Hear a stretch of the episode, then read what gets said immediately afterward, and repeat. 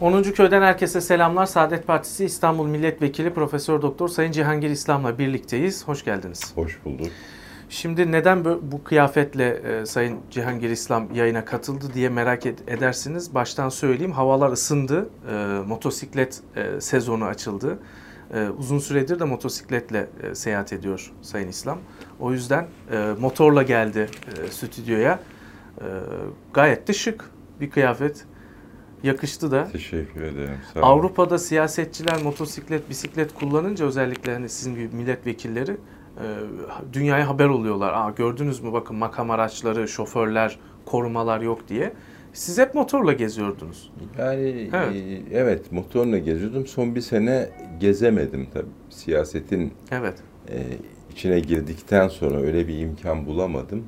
Çünkü motora bindiğimiz mi böyle e, full giyinmek evet. zorundasınız. Çünkü e, motor kazası çok insan vücuduna hasar verebilen bir kaza. Yani bir yandan da hayatım bunları evet. tedavi etmekle Tabii. geçti. Yani ortopedi. ortopedi. Evet. Yani ortopedi ve omurga işleriyle uğraşık, uğraşarak. E, fakat İstanbul trafiğinde motor bir çözümdü benim için motosiklet. O yüzden çok çabuk hareket edebiliyordum. Şimdi havalar ısınınca evet. bir sene aradan sonra Başladınız tekrar yani. başladım.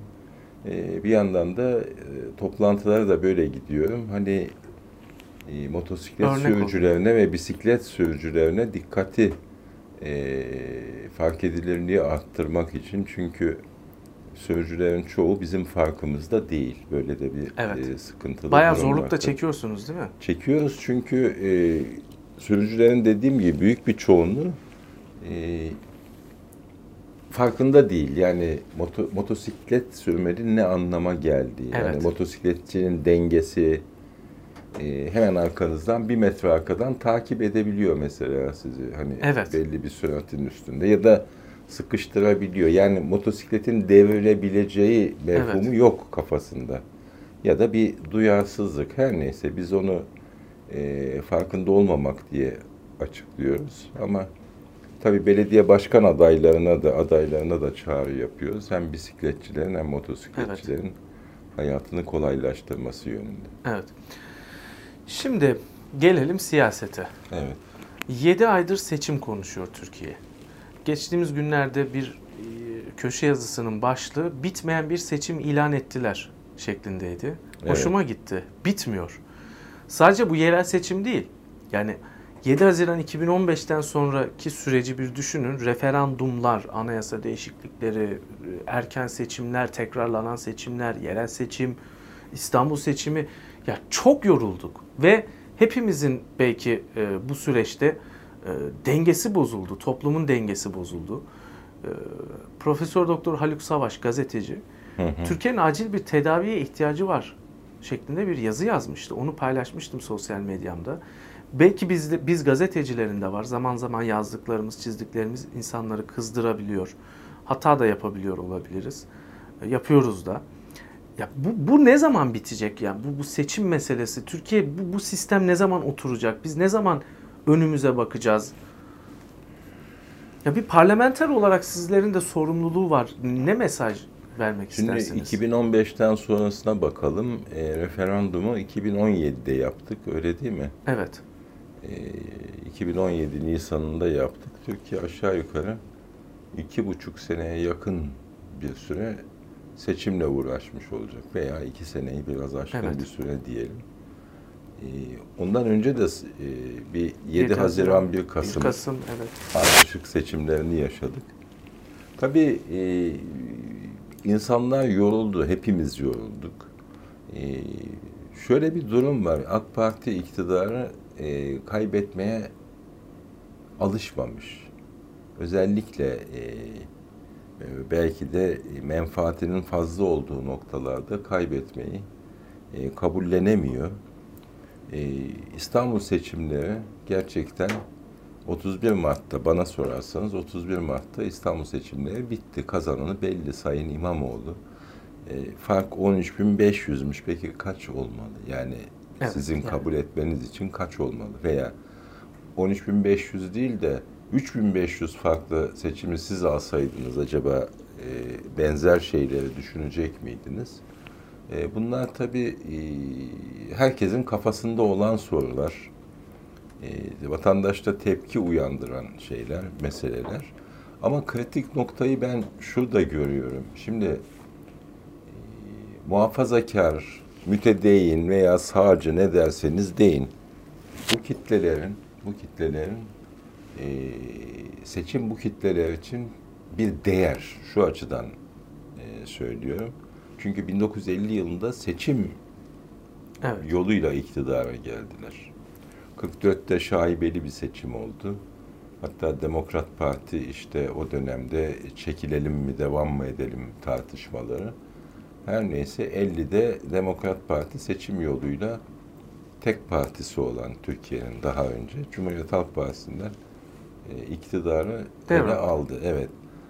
Şimdi bu kesimin bu kesimin en büyük güvencesi seçimdi siyasette. Çünkü e, karşısındaki güç daha ziyade bürokrasiye ve devletin üst kademelerine dayanan e, hani ordudan ne bileyim yargıya kadar yargıya kadar her tarafta e, kesif etkisi bulunan bir şeydi ve sağ iktidarlar ancak seçimle iş başına gelebiliyordu. E, ama böyle e, ve seçimlerin sonucuna da saygı duyuyordu. Evet. Yani e, kaybettik. Ben hiç hatırlamıyorum kaybettikleri bir belediyeyi vermeyiz de vermeyiz diye kimse e, şey yapmadı. Bırakın sokağa çıkmayı itiraz dahi geliştiremedi, geliştirmedi. Ama AK Parti bu değer üzerinde de bir aşınmaya neden oluyor. Ve ben sağlıklı bir tepki görüyorum seçmende, AK Parti seçmeninde. Bir kesiminde özellikle.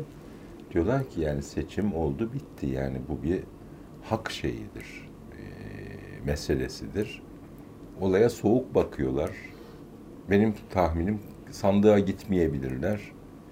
E, ya da sandığa gidip İmamoğlu'na yani CHP'nin adayına vermeyi düşünenler de var. Bu az rastladığım bir durum değil. Yani AK Partililer evet. için de çok ciddi bir oranda. Evet, koyu AK Partililer evet. içinde de ciddi tepkiler var. Çünkü e, söylediğim gibi seçimlerin sonucu sağ partiler için bir şeydir. E, seçimler bir evet. değerdir, değer teşkil eder. Yani bizim siyasi tarihimize bakarsanız muhafazakar kesim daima darbe karşıtı ve e, demokratik siyasetin yanında olmuştur. Bu iyi bir özellik. Yani bütün Türkiye'nin bunu e, bir gelenek, bir alışkanlık, e, hatta üzerine titrenen bir konu haline getirmesi önemli. çok önemli. Çok önemli. Yani rejimimiz açısından da, sistemimiz açısından da önemli. Daha ancak bu şekilde daha fazla demokratikleştirebiliriz. Ve seçim sonrası da benim e, kanaatim şuydu yani gözlemleyebildiğim ilk gece veya ilk günler e, ben Sayın Cumhurbaşkanı'nı olayı kavramış ve sindirmiş evet. gibi gördüm. E, çünkü yani ona da ters düşmedi çünkü neticede reel siyaset yapmaktan yanayım e, diyen yani siyasetin gerçek anlamını, sandığı, seçimi, sayımı vesaire bilen e, birisi. Fakat daha sonra bu gelişmeleri yaşadık. E, vatandaş da sindirmişti. Yani evet, AK Partili tabii, tabii. seçmenden hani çoğundan ben kızgınlık da gözle, gözlemlemedim ama hani AK Partililerin AK Partililiğine toz kondurmayanlar da şöyle diyebiliyordu. Adam aldı, adam evet. kazandı diyebiliyorlardı. Neticede ortada artık bir seçim falan yoktur bana sorarsanız. Şu ortada, an 23 evet, Haziran için. Tabii bir haksızlık meselesi vardır. Bu hak, haksızlığın e, döndürülmesi yani hakkın haklıya teslim edilmesi e, meselesi vardır. E o zaman Böyle mesela şöyle söyleyeyim. Şimdi birazdan e, Sayın Karamollaoğlu'nun açıklamasını paylaşacağım. Şimdi ha, hak, haklıya hakkı teslim edelim derken Sayın İmamoğlu'na mı destek vermek gerekiyor ya da e, hani Saadet Partisi niye aday çıkardı? Hayır Saadet Partisi zaten aday çıkarmıştı. Seçimin evet. tekrarı olduğu için elbette ki kendi tabanından gelen e, talepler doğrultusunda bu şekilde bir karar aldı. Yani olay burada e, sadece Saadet Partisi üzerinden dönmemeli veya diğer evet. partiler üzerinden dönmemeli. Ben genel olarak vatandaşı evet. bir kitle olarak İstanbulluları e, dikkate alıyorum. İstanbulluların buna tepkisi ne olacak? Yani evet. eğer böyle bir şeyi bu da kritik nokta AK Parti'ye oy vermek veya vermemek üzerine aslında. tabii. Yani evet. cezalandırmak, vermemek üzerine olur. AK Partililere de değildir buradaki tavır. Yakın AK Parti'yi yönetenlere, Sayın Genel Başkan'la, Sayın İdaresine işte sık sık konuşan Sayın e, Süleyman Soylu'ya, e, Sayın Devlet Bahçeli'ye belki. Bahçeli'ye bir de e, seçim sırasında çok Ali İhsan Ali Yavuz. İhsan Yavuz Sayın o kayboldu ortadan. E, Ali İhsan Yavuz'a onlara e, İstanbul güzel bir e, cevap vermelidir. Evet. Yani yani bu İmamoğlu saadet meselesi değil yani. Bir, bir tavır ortaya konulmalıdır elbette, elbette yani. değildir evet. ama Sandığa benim benim tahminimi sorarsanız her partiden olduğu gibi yani her partiden e, bu şekilde tavır koyanlar, evet. Sayın İmamoğlu'na oy verenler çıkabilecektir. Evet. Yani kendi partisini nihai olarak terk etmese bile kamuoyu yoklamaları evet. da böyle bir şey gösteriyor. Şimdi Saadet Partisi lideri Sayın Karamollaoğlu açıklamasında diyor ki bu seçim sadece iki parti arasında oluyormuş gibi bir intiba doğrulmaya çalışılıyor. Türkiye ısrarla Amerika'ya benzer ikili bir sisteme itilme çabası içinde. Şimdi böyle bir kutuplaşma söz konusu Türkiye'de. İşte AK Parti bir yandan e, Millet İttifakı adı altında CHP e, diğer yanda. E, buraya gönül vermiş insanlar böyle bıçak gibi ikiye ayrılmış. E, bu ikili yapıya işaret ediyor Sayın Karamollaoğlu. Yani bir cephe mantığı, cepheleşme mantığı var. E, siz ne görüyorsunuz? Siyasetin geleceğini nasıl görüyorsunuz? Elbette yani o Sayın Genel Başkanımızın o tepkisi hem genelde AK Parti'nin AK Parti'nin Saadet Partisi'ni yok saymasıyla zaman zaman evet. Saadet Partisi e, seçmenini araçsallaştırmasıyla ilgili ve son açık oturumda da özellikle evet. e, sadece iki adayın oya davet edilmesiyle alakalı bir şey.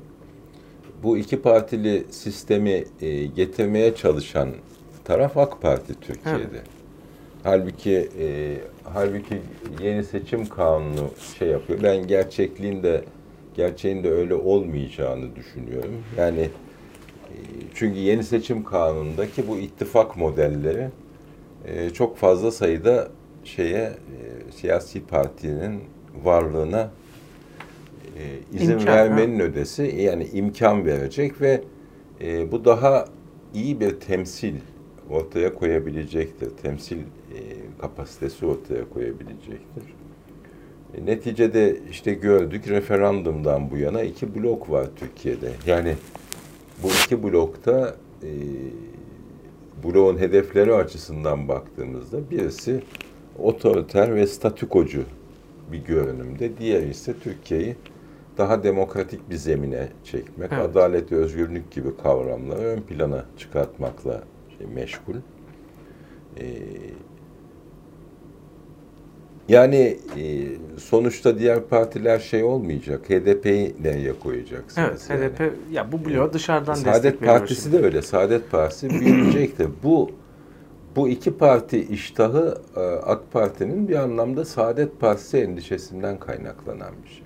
Yani çünkü ha, elimizden alırlar. E, e, elbette yani Saadet Korkusu. Partisi, Saadet Partisi tabanı ne e, Sa AK Parti tabanı neticede Saadet Partisi'ne büyük ölçüde gelecektir, yakın bir gelecektir. AK Parti şeyini e, misyonunu tamamlamış bir partidir. bu bu yeni e, süreçte Saadet Partisi güçlenebilir diyorsunuz. Saadet Partisi evet güçlenebilir ve güçlenecektir diyorum.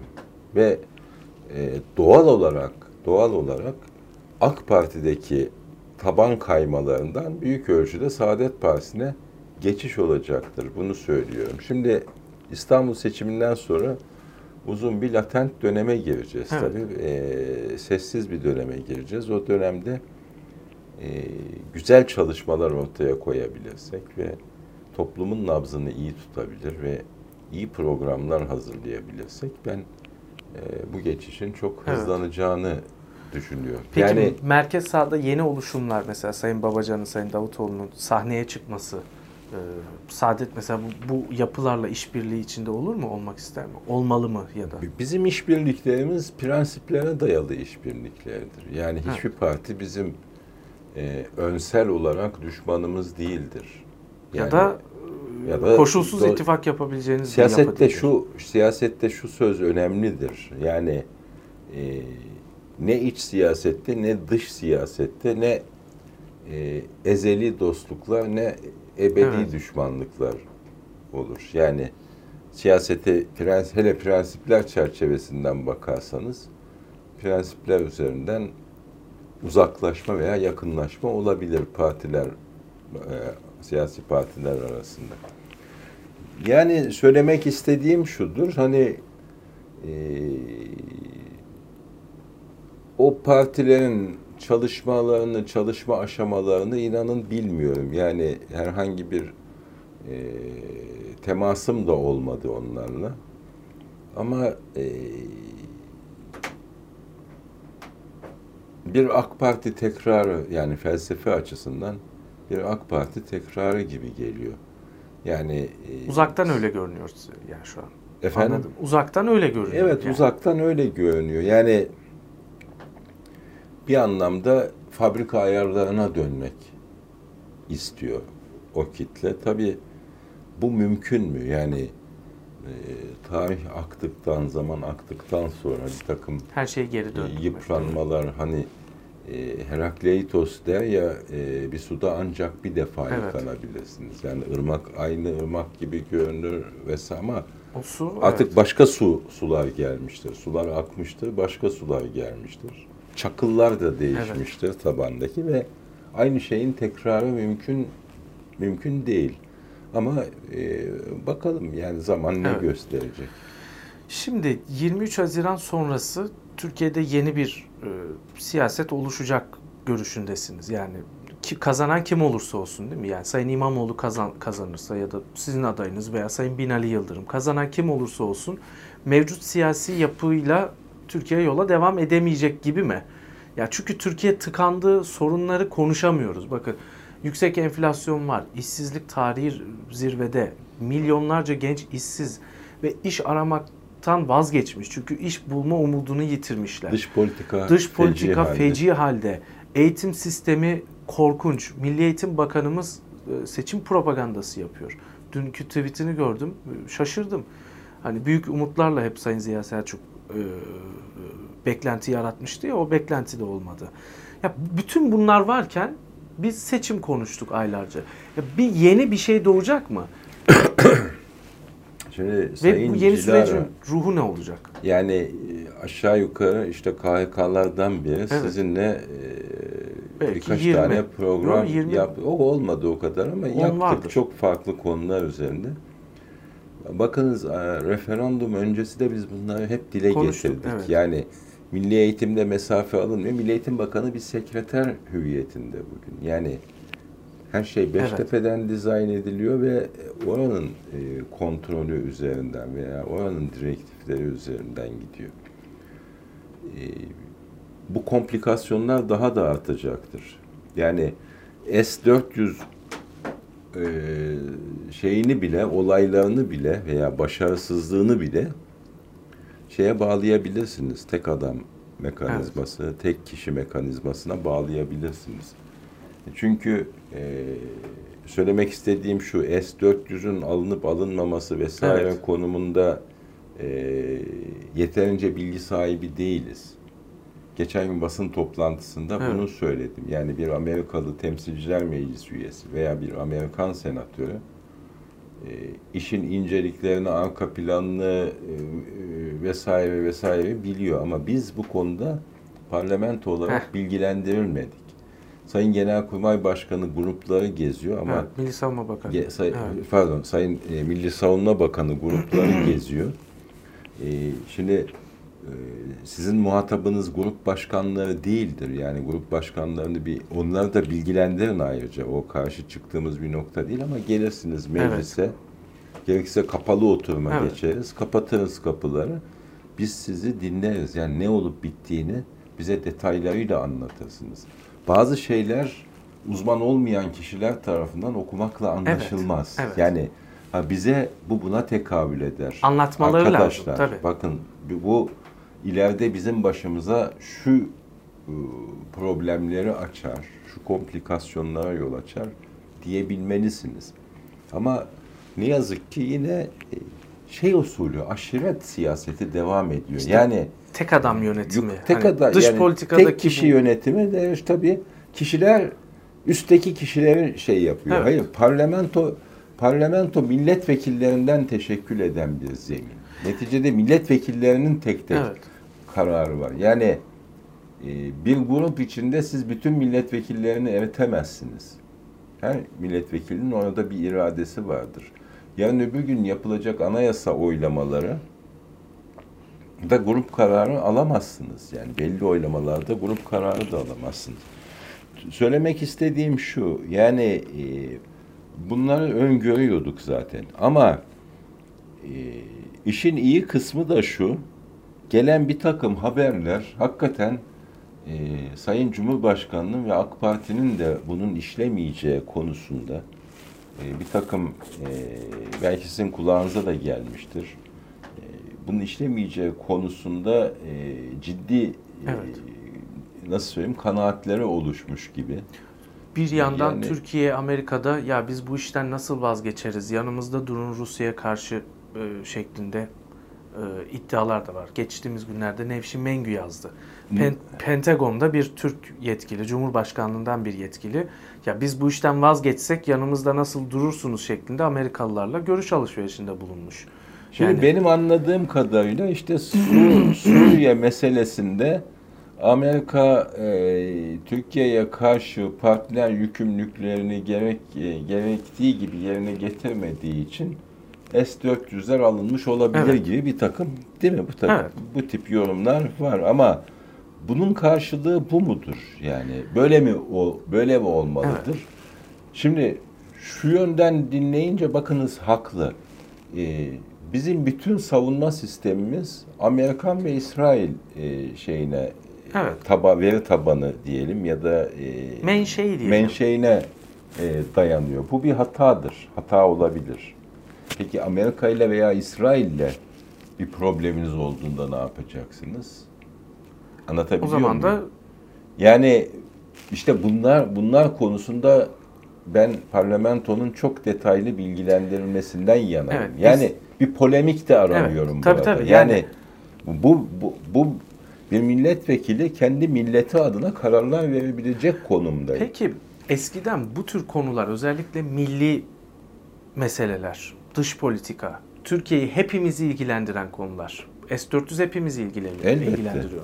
Yani Allah korusun tepeden bomba yağacaksa AK Parti'nin kafasına küçük bir pay düşmüyor. Hepimizin kafasına. İnşallah öyle bir Allah şey korusun. olmayacak. Ama hani o, o tehdide karşı alındığı söyleniyor ya İstanbul Ankara bombalanacak falan. Bunları anlatıyor AK Partililer. Ama bu meseleler, milli meseleler, dış politikadaki önemli kritik konular mecliste konuşulurdu. İşte- Şimdi bu yok ortada. işte evet. Ve bakın siz bile bilmiyorsunuz yani önü arkası nedir? işte kendi araştırmalarımız da ancak. o kadar yani, biz de yani okuma yaparak e, Sizin programlar, işte yazanların Evet. e, köşe yazıları. Bugün de yine bu konuda şey yaptım, e, işte baktım biraz okudum ama e, tabii Türkiye'nin şöyle bir durumu var. Yani e, biz NATO'ya mahkum muyuz? Bakın o da ayrı bir çıkmaz yol. Evet. Batı'yla Batı'yla e, özdeşleşmek demeyelim. Batı'nın tam himayesine girmek de bir problem. Bir Batı düşmanlığı da yani Evet. kafadan bir Batı düşmanlığı da bir problem. İpleri koparmak Bizim da bu problem. sav- bu savrulmalardan çıkarak belli Türkiye'nin rasyonalitesini oluşturmamız Evet. lazım. Yani bizim için rasyonel olan nedir? Batı'dan kaçarken Şangay Beşlisi'nin e, kucağına oturmak Evet. affedersiniz yani bu da şey bu da bir çözüm değil. Doğru. Benim yani Şangay değil. Ha bir tane demokratik ülke yok işte Yok, doğru evet. diyoruz. Yani ben kaç kişi kaç kişi Şangay bir Şangay ülkesinde yaşamak ister yani. Evet. Böyle de bir sıkıntımız var.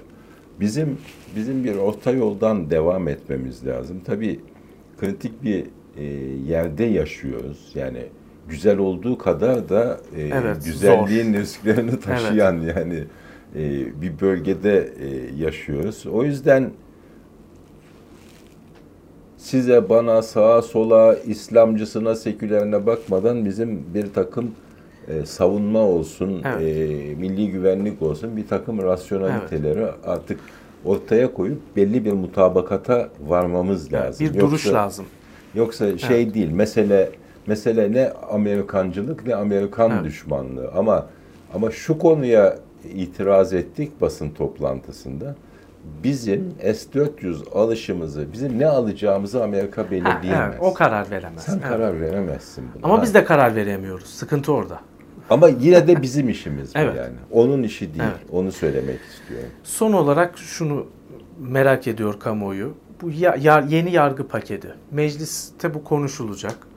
Siz Saadet Partisi grubu olarak ne talep ediyorsunuz? Genel af beklentisi var, ceza indirim beklentisi var. Bakın Yavuz Selim Demirağ cezaevine konulacaktı ki haksız yere bana kalırsa dosyasına baktım. Boş yere yatacaktı. İçerideki belki on binlerce insan gibi. Cezaevleri dolu diyerek cezaevinin kapısından gönderdiler. Ya içerisi dolu yer şimdi kalmadı. seni ha, yatıracak yer yok yer diyerek yok. madem suçlu niye dışarı gönderiyorsunuz? Yani şimdi, şimdi bu, bu paketten beklentiniz ne ve ne söyleyeceksiniz mecliste? Evet. Tabii bu konuda e, en büyük yara gerçekten e, şeydir. E, yani şu 15 Temmuz'dan sonra yaşadığımız KHK'lılar olayıdır. Evet. Yani şunun için diyorum çünkü insanlar sadece bu devletin memurlarının gözlemleri tarafından bir anlamda ben de buna dahilim fişlenmiş ne bir mahkeme kararı ne doğru düz bir soruşturma kararı olmaksızın listelere konmuş ve e, hükümet e, kararnamesiyle yani e, bir idari 15, kararla 20, 20 idari kararla ve 15-20 kişinin hiçbir araştırmaya dayanmaksızın e, imzalarıyla çok büyük e, şeyler, yaralar açılmış. Yani e, burada e, suçluyla suçsuzu ayırmanın yegane yolu hukuku işletmektir. Sonra suç olmayan şeyleri suç olarak suç gibi göstermek ve suç yerine e, suçlu gibi işlem yapmak bu insanlara büyük problem. Bunun üzerinde duruyoruz. E, biliyorsunuz evet. yani çıktığı günlerden beri üzerinde duruyoruz. E, bu işin çözümü insanları yani kriminal yani suç işlememiş kriminal işlere bulaşmamış evet. olanlardan bahsediyorum. Yani darbeydi veya gerçekten evet. hani e, devlet içinde çeteleşmeden bahsetmiyorum. Yani bir öğretmenden, bir polis memurundan, bir hemşireden, bir doktordan, akademisyenden bahsediyorum. Gerek barış akademisyeni taraftar olsun, gerek e, işte e, belli bir cemaatin e, üyesi olsun, e, ne bildiriye imza atmak, ne tasvip etsem, etmeseniz de, ne bir cemaatin üyesi olsa, olmak, tasvip etmesek de şey değil, suç değil. Evet. Önce hukuku hukuku bir yerine bir oturtmak af lazım. isteyecek misiniz? Affedilecek bir şey yok. Evet, Şeyin suç işlemedik ki. Neyi ben ben yani bütün KHK'lılar biz şunu diyoruz yani bizim alnımız ak biz suç işlemedik. Yani evet. e, biz suç işlemedik. Bizim yani mahkemeye bile çıkartmıyorsunuz. Bunun en kolay şeyi insanları işlerine döndürürsünüz. Yani çok sonra, ciddi ha, bir ha. şey yoksa ortada. Sonra bir yani, soruşturma. Ha, ondan sonra soruşturmaya evet. geçin. Zaten soruşturma sonucunda savcılığı ilgilendiren bir durum varsa evet. oraya havale edilecektir. Kayıp insanlar var evet. bakınız. 6 Şimdi, 6 kişi 4 aydan fazla, 3-4 aydan fazla bir süredir kayıp. Bunların hakkında bilgi alamıyoruz. Evet. Bu insanlar nasıl kayboldu? Yani e, daha önce biliyorsunuz Cumartesi annelerinin evet. dramı. Orada e, e, kaybolan insanlar 90'lı yıllarda hala onlardan e, bir ses alamamak. Bu da bir problem. Mutlaka ve mutlaka o veya bu şekilde açığa çıkartılması gereken bir durum.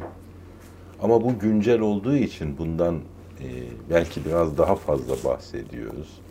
Yani e, demek istediğim şu, bunları yasal düzenlemelerle ancak e, üstesinden evet. gelebiliriz. Ben pakette ne var ne yok henüz resmi bir şey evet, yok ortada. Kimsenin yani. eline geçen evet. bir e, şey yok ama temenniler var sadece. Sadece bu mesele zorlaşacak değil. vesaire diyorlar hani. Tamam yani bizim hızla demokratikleşme ihtiyacımız evet. var. İnanın bana, inanın bana özgürlükler arttıkça bu ülkede suç da azalacaktır, üretim de artacaktır, birbirimize güven de artacaktır. Başka evet. başka bir çıkar yol yok zaten. Evet. Dış dışa dış politika olarak da söylediğim gibi yani e, bir ülkenin bağımsız olması, bir ülkenin bağımsız olması şey değil. Yani e, NATO'dan çıkıp Şangay'a girmek değil. Evet. Bu ikisi e, bu ikisi arasında bir fark yok. Hatta e, NATO'dan bir anda çıkmanın problemlerini Riskleri, nasıl tabii, ya da tabii. risklerini nasıl halledeceksiniz? Bunlarla baş, nasıl başa çıkacaksınız? Yani şunu söylemek istiyorum. Dünya görüşlerimize, ideolojimize e, çok oturmasa da NATO ilişkisi. Evet. Ama bunun son derece sağlıklı adımlarla ve boşalttığınız her alanda yerine daha sağlıklı bir şeyi koyarak evet. ilerlemeniz e, gerekiyor. Tabii şu da var.